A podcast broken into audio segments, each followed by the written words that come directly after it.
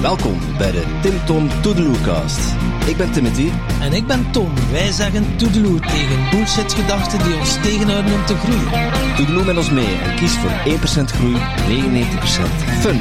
Ja, wat het dan.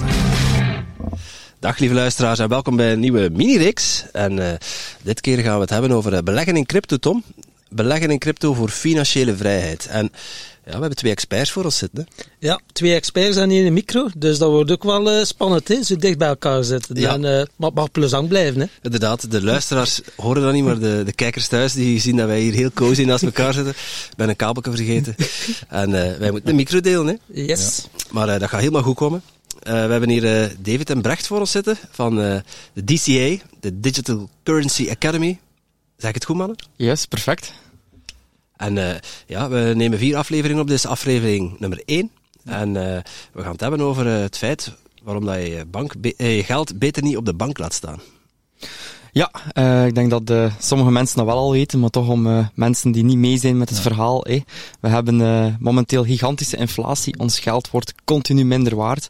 En eigenlijk, als je spaart op de bank, dan zijn je een verliezer eigenlijk. Hè. Ja, inderdaad. Het is slecht dat we gewoon simpel zeggen van, we zitten met lek.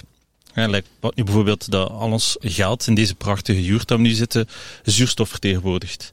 En dat alle zuurstof uit deze juurt wordt gezogen, dan gaat het ook om duur op zoek naar een zuurstofmasker.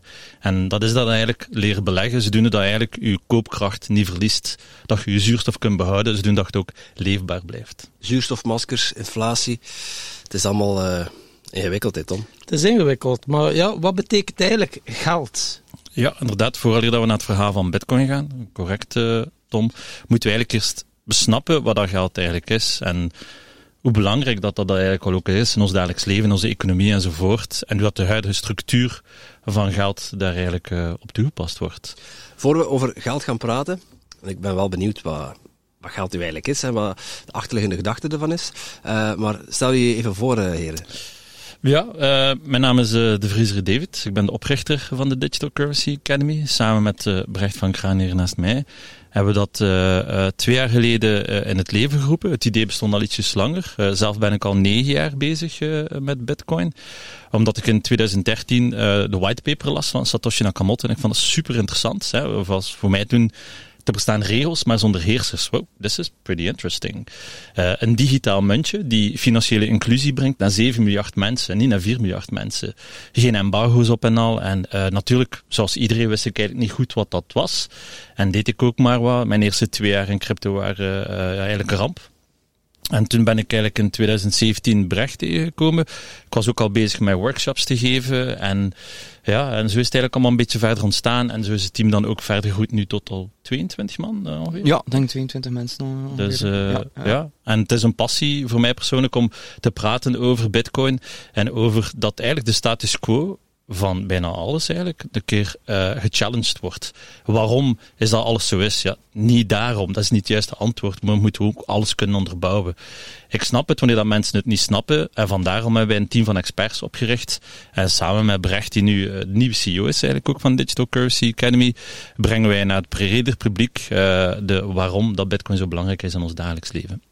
Ja, mooi gezegd. Uh, uh, Mevrouw Brecht? Ja, yes, ik ben uh, Brecht van Kraan. Ik ben eigenlijk um, organisatiepsycholoog van opleiding. Hè. Dus, psycholoog, Tom? Ja, een echte psycholoog. Dus als je een probleem hebt of je wilt even uithullen op mijn schouder, doe gerust. um, maar vijf jaar geleden ben ik dan eigenlijk professioneel begonnen met crypto. Hè. Heb ik samen met David dus inderdaad Digital Currency Academy opgericht. Heel trots om te mogen zeggen dat wij eigenlijk de grootste organisatie zijn in België um, rond crypto en alles dat met crypto te maken heeft. Ik ben zelf ook een boek aan schrijven, investeren in crypto. Uh, die verschijnt hopelijk nog dit jaar. Uh, ik moet even nog uh, mijn aantal woorden gedeeld door twee doen, want ik heb een beetje een te dik boek geschreven, dus dat is wat een probleem. Met papier, hè? kleine lettertjes. ja, ja, voilà, ja, misschien met een vergrootglas erbij. Bij de banken zijn ze sowieso in, hè? kleine lettertjes. ja, dat zullen de mensen niet lezen, zo inderdaad. Ja.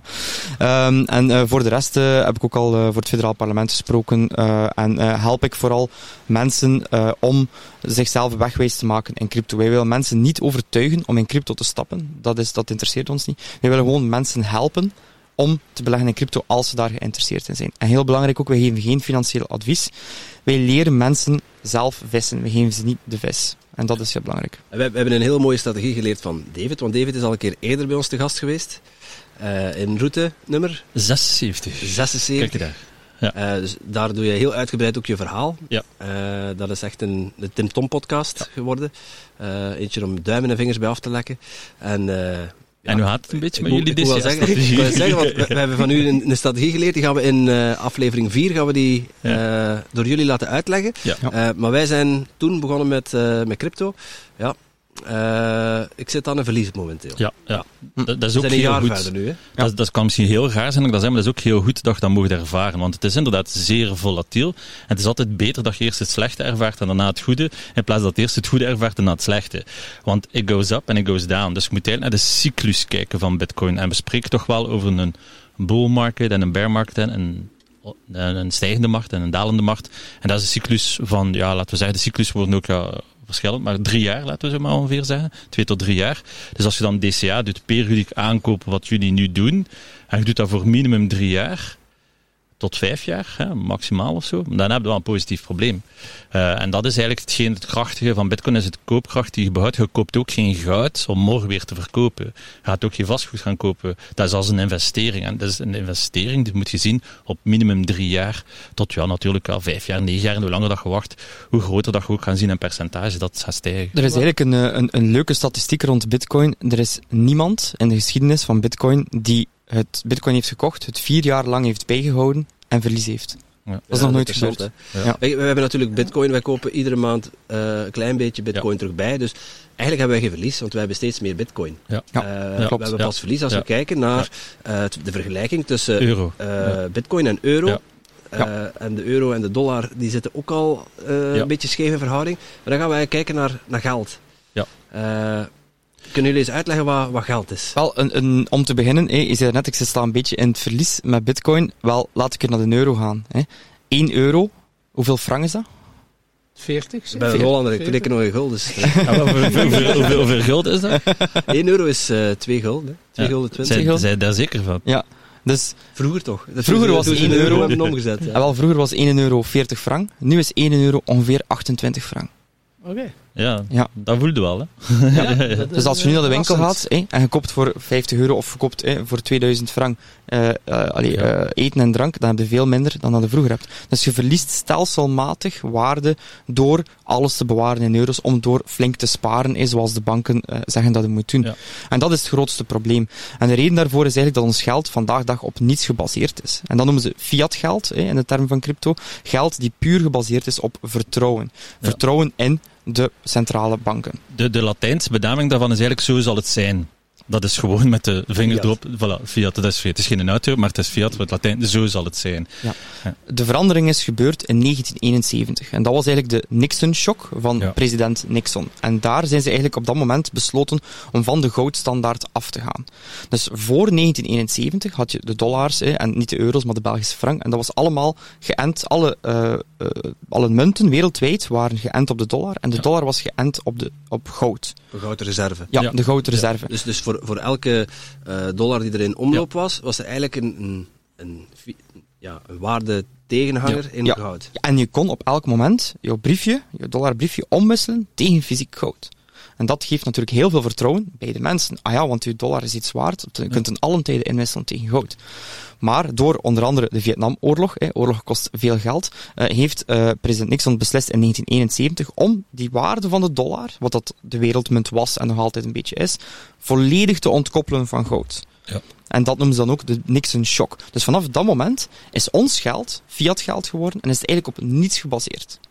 Dat is ook de reden waarom dat overheden nu en centrale banken heel veel geld kunnen bijprinten. Ook een leuk weetje, allee, leuk tussen aanhalingstekens, de, meer dan 50% van alle Amerikaanse dollars in omloop zijn het laatste jaar bijgeprint. Dat is dus dat lek dat ik wil bedoelen. ja. Ja, dus we zijn eigenlijk een schuldenberg aan het bouwen met imaginair geld, Ja, die eigenlijk op niets gebaseerd is. En we hebben continu meer geld nodig, omdat de kapitalistische maatschappij continu wil groeien. En als je dan momenten hebt van recessie, zoals bijvoorbeeld eh, door de vreselijke eh, gebeurtenissen in Oekraïne of door COVID, dan kan ons systeem dat niet opvangen. En daardoor moeten we continu veel meer geld bijprinten. Maar de vraag is natuurlijk, wat gebeurt er met de waarde van iets als er veel meer in omloop is? Ja. Het wordt minder. Vandaar hebben we inflatie. En daarom dat een euro nu slechts 28 frank waard is. Dus dat was inderdaad het geld. Ik heb jullie ook al horen zeggen, crypto, bitcoin, voor een gewone leek, ja, wat is crypto, het verschil tussen crypto en bitcoin? Ja, ik denk nu, bitcoin is een cryptomunt, maar eh, ja, hoe kan je dat heel eenvoudig uitleggen aan de leken onder ons? Ja, ehm, Bitcoin is de allereerste cryptomunt die ooit bestond. Hè. Eh, ze noemen dat de speerpunt-innovatie van een technologische revolutie. De allereerste uitvinding van blockchain-technologie. Dus eh, Bitcoin is eigenlijk het beste te vergelijken met digitaal goud. Je legt dat in je kluis. Je kunt Bitcoin in je kluis bewaren. Wij leren dat in onze cursussen hoe je dat veilig bewaart. En het is van jou. Het is onafhankelijk van staten, onafhankelijk van mensen, onafhankelijk van organisaties. Het Bitcoin-netwerk is volledig op zichzelf. Het heeft geen CEO, heeft geen bedrijf, niemand kan het manipuleren. Geen een bankdirecteur. Geen een bankdirecteur, heel belangrijk. Ja. Nu, je zou denken, oké, Brecht, dat klinkt wel vaag. Een, een computernetwerk zonder baas, zonder centrale organisatie. Tja, ik voel me daar niet comfortabel bij. Wel, eigenlijk wel. Want we hebben al zo'n netwerk, Ja. zonder baas, zonder organisatie, zonder CEO, zonder bank. En dat is het internet. En dan zei je ook blockchain. Eh, wat is dat precies? Ja, dat zijn dus Eh, allemaal nieuwe begrippen. En Misschien moeten we eh, crypto, bitcoin en blockchain en de, de technologie erachter. eh, volgens mij kunnen die mannen daar een hele, een hele aflevering over, over vol praten. Ja, graag. Eh, misschien moeten we daar een aparte aflevering van maken. Ja, Ja, ja, ja, nee, zeker. vast. Zeker Ja. vast. Bitcoin, dat, dat kennen de meeste mensen ondertussen wel al. Eh, Maar ja, ik, ik ben daar, ik denk een jaar of vijf, jaar of acht geleden heb ik dat voor het eerst gehoord. Dan waren dan waarschuwingen op het journaal, toen ik nog naar het journaal keek, van hier moet je echt niet, absoluut niet instappen. Dit is, het is eh, Wel, eh, gevaarlijk en ja. eh, Timothy, elke innovatie is altijd met een waarschuwing aangekondigd geweest ook. De auto, Gutenberg, hè, we, zo belangrijk geweest, hè, de printing press, de boeken, zo belangrijk, maar het was ook verboden om te lezen vroeger, want zie je dat de mensen slimmer worden, enzovoort. Eh zie je nu ook dat de mensen eh, financieel onafhankelijk worden, want je bent dan eigenlijk full custodian van je eigenste asset als je bitcoin beheert. Nu zijn we geen volledige 100% eigenaar, eigenaar van ons geld, want het staat bij de bank. Tenzij dat de eigenaar bent van de bank. Dat is iets anders, hè? nee, helaas. Het is mooi, mooi gezegd van David. Mensen zijn bang van nieuwe dingen en Ja. innovatie. Het moment dat de eerste treinen begonnen te rijden, Ja, waren de boeren bang dat hun koeien zure melk gingen produceren. Toen dat de fiets werd uitgevonden, waren de mensen bang dat de vrouwen helemaal wild gingen gaan van op dat zadel te zitten en rond te rijden. Elektriciteit, de kot in brand vliegen. Ja, ja, ja. Dus dat zijn, dat zijn natuurlijke angsten als mens. Dat is normaal, omdat iets nieuws en iets onbekend is. Hè. Eh, Bitcoin werd, eh, en, en cryptomunten wordt eh, vaak geportretteerd als iets dat heel gevaarlijk is. Hè. Dat dat eh, voor criminelen is, dat vervuilend is voor het milieu. Maar eigenlijk al die zaken kun je eigenlijk allemaal gaan weerleggen. En zeggen van dat zijn allemaal zaken die in het begin van de innovatie gebeuren, maar die eigenlijk weggaan doorheen de tijd. Het internet werd ook gebruikt door criminelen in het begin. Hè. En ook niet vergeten ja. het, altijd, het, het, ja, het ja. belangenconflict. Hè, want eh, er is een hele grote sector, de financiële sector is huge, die het eigenlijk niet zo leuk vinden. Hè. Vraag maar een keer aan een taxichauffeur wat ze vinden van Uber. Vraag maar een keer aan een eh, hotelier wat ze vinden van Airbnb. eh, enzovoort. Eh, want de paard- en koetsindustrie vonden de auto ook niet zo leuk destijds. Ze zijn ook zo van, ja, die technologie zal nooit lukken, want zie het, het zit vast in de aarde. Maar er was ook nog geen ja, gedijing om die technologie te laten oprijden. Hè. Eh, Oké, Adolf Hitler heeft ook iets goed gedaan. Hij heeft het asfalt en dergelijke de autobaan gecreëerd, waardoor dat die technologie wel kon gedijen. Dus hier net hetzelfde. De, we zitten nog maar 13 jaar, which is nothing, which is nothing als we spreken over innovatie, into de technologie. Sommige cryptomunten bestaan nog maar twee jaar, which is also nothing. Bitcoin 13 jaar. Dus we zitten nu in een van de grootste paradigmaverschuivingen in de geschiedenis van geld. En daarom dat eh, open taboes en, en open dialogen zo belangrijk zijn om hier toch wel een keer over te spreken. Dat is mooi gezegd. Ehm, en ik wil er wel aan toevoegen, eigenlijk zijn er heel veel partijen die wel heel open staan ten opzichte van crypto. Ja. Ehm, zelfs overheden, alle mensen die ermee beginnen, blijven, er, blijven het gebruiken. Er is eigenlijk maar één partij die heel kritisch staat ten opzichte van crypto, en dat zijn de centrale banken.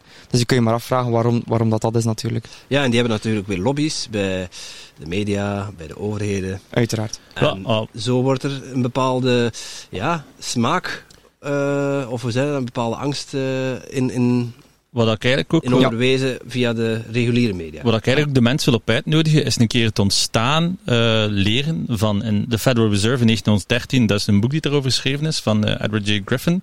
Dat is The Creature of Jekyll Island. Eh, als we zien, hè, want in 1907 was het heel veel commotie, het was ook alles volatiel de banken en dan moest eindelijk een keer gereguleerd worden. En dan hebben de banken zelf wetten gecreëerd voor de eigenste eh, organisaties, eh, grappig genoeg. En dat is dat de Federal Reserve gecreëerd, maar grappig genoeg, de Federal Reserve ain't federal and it doesn't have reserves. de Federal Reserve maakt een dollar, verkoopt die aan Amerika, want een bepaalde president die daar zo zijn hoofd geschoten heeft, ging dan eigenlijk de, de dollar terugbrengen naar Amerika. Toevallig is die vermoord geweest. Eh, en zoveel eh, jaar later is dan eigenlijk de BSA-wet gecreëerd geweest. Dat is ook heel belangrijk om die keer op te zoeken. Dat is de Bank Secrecy Act in 1970. Wat is een jaar later gebeurd? Simsalabim. De detachering van de dollar naar uit. Ja. Do your own research. Dit is gewoon geschiedenis. Als je geschiedenis kent, kent je een toekomst. Dat is het monetair systeem. En dat, eh, wat, wat je nu hoort is eigenlijk centralisatie. Te veel op Ja. één punt. Te veel Ja. macht op één punt. De centrale banken hebben te veel macht. En dan kunnen ze bijna niet anders dan misbruiken. hè. Ehm, hetzelfde geldt bijvoorbeeld met onze technologische ervaring. Met de bedrijven die momenteel het internet in handen hebben. Hè. Dat zijn viertal bedrijven. Denk aan Google, hè, Alphabet, hè, de, de, de moederbedrijf van Google. GAFA? Eh, Meta, hè, het, het voor, voorheen Facebook, eh, Amazon en Apple.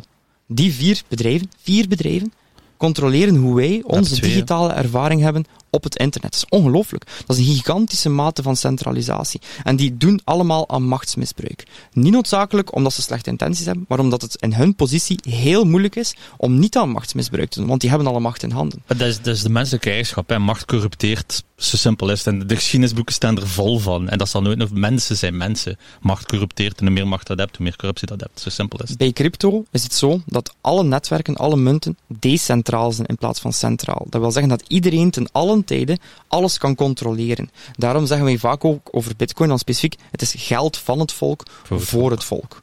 Heel weinig mensen weten dat, want dat komt niet in de media. Als ik word gevraagd om te spreken op, op het journaal, dan stellen ze mij heel kritische vragen. Hè? Maar het gaat nooit over blockchain-technologie. Het gaat nooit over het feit dat het eigenlijk een revolutionaire uitvinding is op technologisch vlak. Het gaat nooit over het feit dat dit de volgende evolutie is van het web. Web 1, web 2, nu hebben we web 3. Als je dat zo. Uitlegt aan de mensen, zeggen ze, ah ja, dat is eigenlijk wel logisch. Maar waarover gaat het? Over de prijs die crasht of, eh, of stijgt op heel korte termijn. En ze focussen zich altijd op de verkeerde En zaken, ook- voorlopig. En ook de, de vraag is, is, waarom is het ons nooit geleerd geweest op school wat dat geld eigenlijk is? Dat is een belangrijke vraag die Ja, hier staat. dat is ja. waar. Ja, dat vind ik super belangrijk, want als je weet wat dat geld is, dan kan je ook slim met geld gaan omgaan. Geldbewustzijn. Ja, ja vooral Ja. bewustzijn Ja. en, en, en slim leren omgaan met je centen. Maar dat is nooit geleerd geweest tijdens de economie. Ja, dat is een, dat is een, een hele, hele legitieme vraag. Absoluut, eh, absoluut. Die, die mogen mensen ook... eh, hey, er wordt dan wel gezegd van... eh, dat hoort niet op school geleerd te worden, dat moet thuis geleerd worden. Maar ja, als uw ouders niet met geld kunnen ja. omgaan en ze, hebben- ze weten ook niet hoe ze ermee moeten kunnen omgaan, Exact. dan gaan de kinderen het ook nooit leren. Ja. En het is heel belangrijk ook, naast crypto, eh, het is heel belangrijk voor mensen om een investeringsmindset te hebben. Ja. Waarom? Opnieuw, we zijn geleerd van vroeger, we moeten geld sparen en op een bankrekening zetten. Maar Ja. wat weten we nu? Je geld wordt continu minder waard. Dus waarom moet je dan sparen? En Begrijp me niet verkeerd, je hebt altijd een potje nodig, ik noem dat een, een safety potje, een veiligheidspotje op de bank, voor als het fout gaat en je hebt Ja. geld nodig. Dat moet je doen.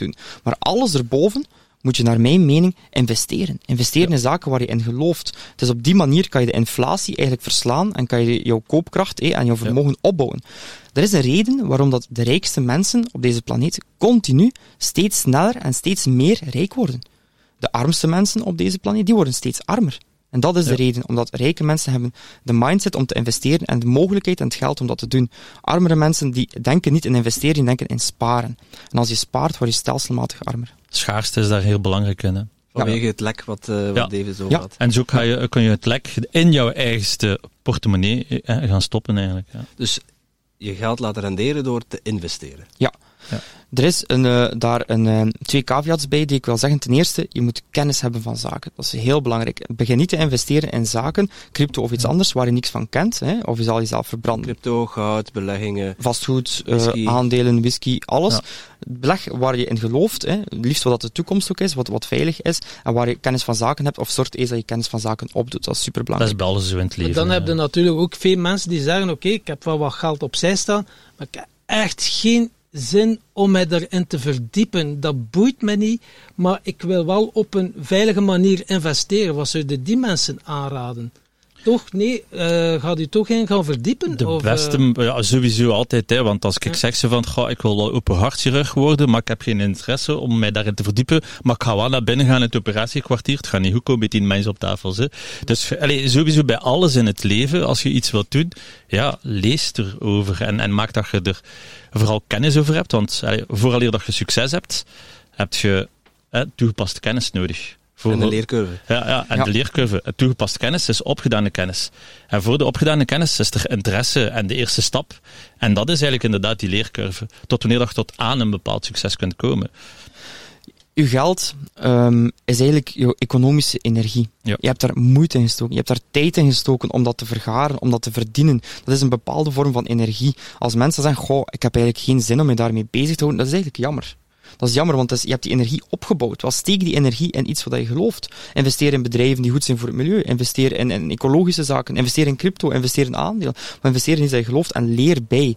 Want het is vooral het leerproces die eigenlijk veel meer waard is nog, of compounding werkt, eh, op elkaar werkt, uh, samen met je investering. En dat is heel belangrijk. Dat is, zo gelijk, dat is zo gelijk het lek beseffen dat er is, boah, ik vind het wel interessant, dat blijft lekken en zo, maar ik ga er niks aan doen. ja, dus, ja, dus de kraan die lekt en uh, ja, totdat je afrekening krijgt van je water. Ja, ja, ja, ja exact. Hey, super interessant, beleggen in crypto, we gaan er dieper op in in deel 2, 3 en 4. laten we deze eerste aflevering hier afronden en eens wat dieper duiken in de bitcoin en de blockchain challenge blockchain technologie. yes. Moeilijk woord, hè, man. Ja, man. dat is een goed idee. Dat is een goed idee. Ja, ja. En jij natuurlijk ook super bedankt om te luisteren naar deze podcast. Voel jij je geïnspireerd? Je zou ons een enorm plezier doen door ons 5 sterren te geven of een review achter te laten in jouw favoriete podcast-app.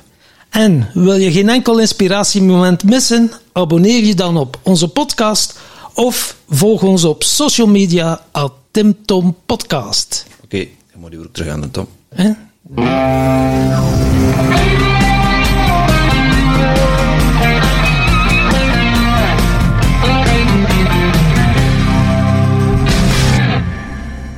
Wie denkt dat kennis duur is, kan zich wel eens vergissen in de kosten van onwetendheid. Laat je dus niet oplichten en informeer jezelf voor je begint met beleggen.